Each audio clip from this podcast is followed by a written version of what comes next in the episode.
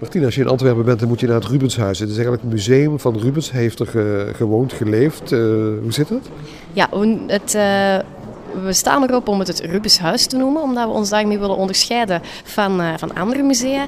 Eh, juist omdat wij iets unieks hebben. Dit is de plaats waar Rubens gewoond heeft en gewerkt heeft. Rubens heeft dit huis gekocht in 1610. Toen bestond enkel de, eh, het Vlaamse gedeelte, het 16e eeuwse gedeelte van het, eh, van het huis.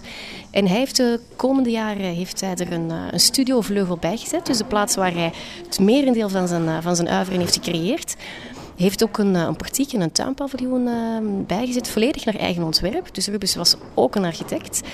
En ehm, rond 1615 is hij hier met zijn gezin ingetrokken.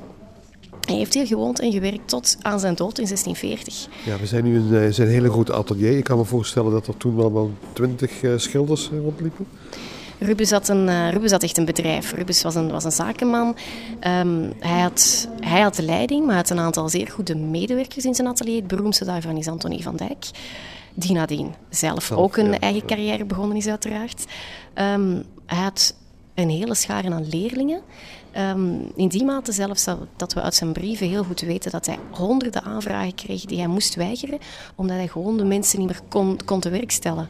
Dus die, die werden ook hier. ehm, het, het domein was toen nog groter dan het nu is. Er waren huisjes bij waar die medewerkers en die leerlingen ook effectief woonden. Dus het was hier echt een heel groot en heel bedrijvig complex waarvan Rubens aan het hoofd stond.